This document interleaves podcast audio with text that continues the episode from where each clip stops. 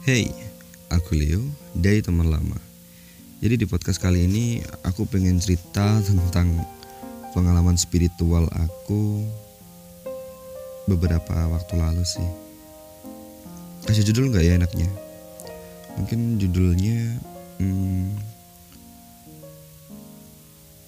aku yang terganggu apa sih?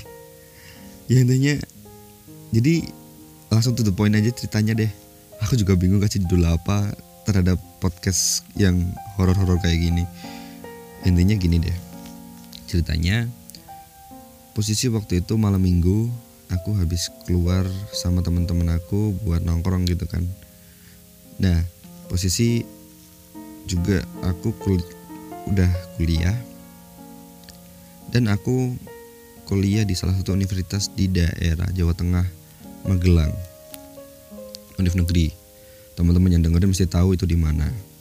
Bisa dicari tahu juga Universitas Negeri di Magelang gitu. Nggak terkenal terkenal amat, cuman ya udah negeri gitu aja deh. nah, posisi aku waktu itu semester 5 dan waktu itu aku habis main sama teman-teman aku nongkrong gitulah posisi malam minggu akhirnya aku pulang malmingan sama teman-teman itu jam 10 eh bukan jam 10 jam 11 kurang lebih jam 11 sampai setengah 12 aku pulang sampai kos. Di kos ini sepi nih cuman ada beberapa anak. Jadi waktu itu cuman ada aku Dio sama Ikhwar namanya. Dio ini semester 3 si Ikhwar waktu itu semester 1 nah kita ngobrol di ruang TV juga di dapur. Ruang TV sekali dapur jadi satu soalnya nah kita ngobrol di situ sambil main kartu gitu kan. Udah sampai akhirnya jam 12 hampir setengah jam 12 lebih lah 12 seperempat aku naik nih. Aku naik karena kamar aku di lantai dua aku naik terus masuk kamar. Karena aku ingat belum salat isya belum ibadah salat isya. Jadi aku inisiatif yaudah deh habis ini aku sholat isya dulu gitu kan.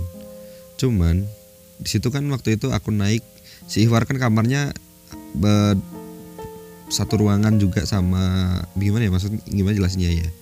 Intinya si Ihwar itu kamarnya dekat sama ruang TV dan ruang dan dapur. Sedangkan aku sama Dio ini kamarnya di lantai dua. Dio di pojok kanan aku di tengah-tengah. Jadi Dio ke kanan aku ke kiri posisinya. Nah di depan tangga ini ada kamar mandi nih. Jadi di sebelah kamar aku itu kamar mandi. Nah posisi aku udah ganti baju terus mau wudhu kan niatnya. Nah tiba-tiba di kamar mandi ada yang pakai nih. Ada suara pintu nutup tutup ada suara pintu nutup terus suara keran air kebuka.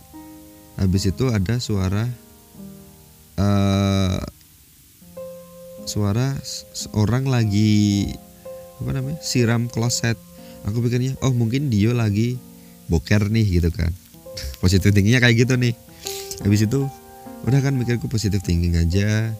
Terus aku mainan HP aja sampai kurang lebih jam setengah satu setengah satuan lah. Nah posisi uh, pintu WC-nya udah kebuka. Suara pintu WC-nya kebuka. Terus ada orang buang eh, apa namanya siram kloset lagi suara keran airnya mati dimatiin. Jadi mikir gue oh dia udah selesai nih. Gitu kan. Habis itu aku inisiatif buat ya udah aku sekarang wudhu dulu deh. Aku keluar aku beranjak dari kamarku aku keluar. Aku lihat ternyata di depan aku WC-nya masih kering. Klosetnya kering maksudnya kering itu kayak ya nggak ada habis nggak ada yang pakai sama sekali. Airnya juga masih penuh gayungnya juga diem aja. Terus aku mikir anjir siapa ini anjir? Yang pakai barusan. Fuck. Siapa coba? Udah kan posisi aku udah nggak tenang tuh. Tapi yaudah sih aku wudhu-wudhu aja gitu kan. Niatnya juga nggak buruk gitu loh.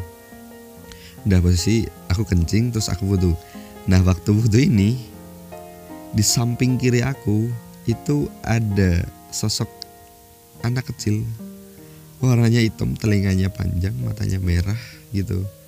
Anjir apa sih? Gitu kan di kamar mandi di WC apa sih? Dia liatin aku wudhu anjir. Posisi aku cepat-cepat cepat-cepat wudhu terus aku masuk aku usap dikit pakai handuk uh, air sisa wudhu aku terus aku masuk ke kamar. Belum aku tutup nih kamar posisi pintunya belum aku tutup masih aku buka sedikit. Terus aku coba buat sholat.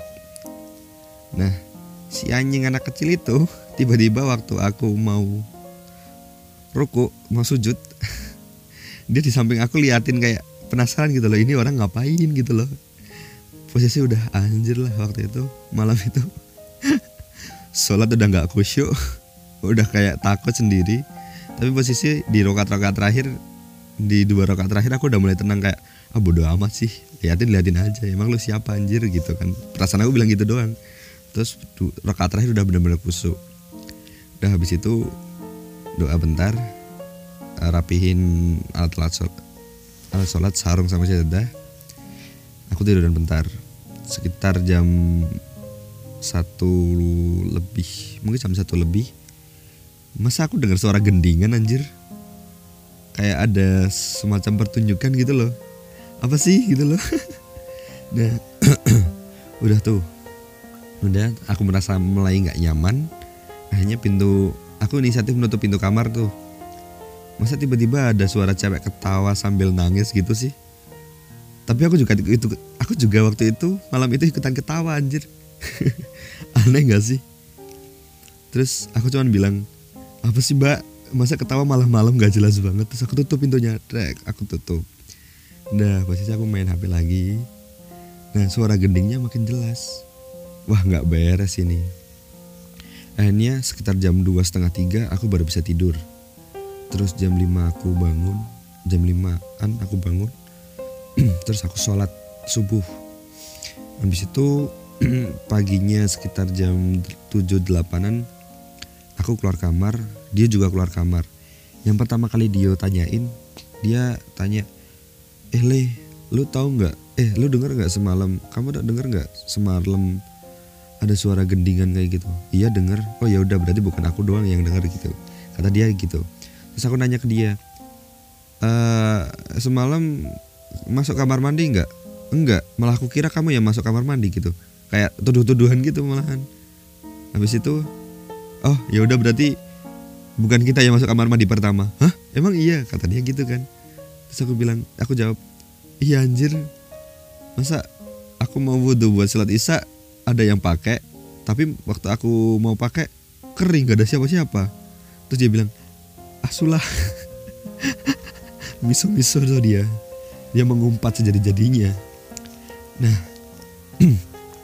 di malam itu akhirnya gila sih di kos cuman tiga orang kalau nggak salah. Mau nggak tiga orang juga. Sebenarnya ada beberapa orang tapi tiga orang yang uh, lagi kumpul gitu loh. Biasanya kan rame tuh. Nah jadi itu salah satu cerita di di kos aku yang cukup dalam tanda kutip aneh gitu lah. Sebenarnya banyak juga kejadian-kejadian lainnya. Tapi itu adalah satu pengalaman yang menurutku cukup menyebalkan di hari itu. Ya di jilid pertama jilid pertama di podcast pengalaman spiritual pertama ini aku bisa menceritakan suatu hal yang cukup unik. Mungkin kalau ke depannya aku bakal ceritain pengalaman teman-teman aku deh. Bukan pengalaman aku karena kalau pengalaman aku kayak akunya sendiri kayak terlalu berani kadang-kadang terlalu berani jadi nggak ada kesan horor-horornya malahan jadi nanti kalian malah apa sih ini anak? Masa, masa ceritanya kayak gini banget? Gitu. Tapi emang itu yang aku rasain dan itu yang aku alamin gitu loh. Mungkin pengalaman-pengalaman spiritual lainnya aku bisa ceritain di podcast selanjutnya dan di jilid pertama ini uh, aku ceritain yang cukup sederhana aja dulu. Belum yang kayak ekstrim-ekstrim dulu aja gitulah.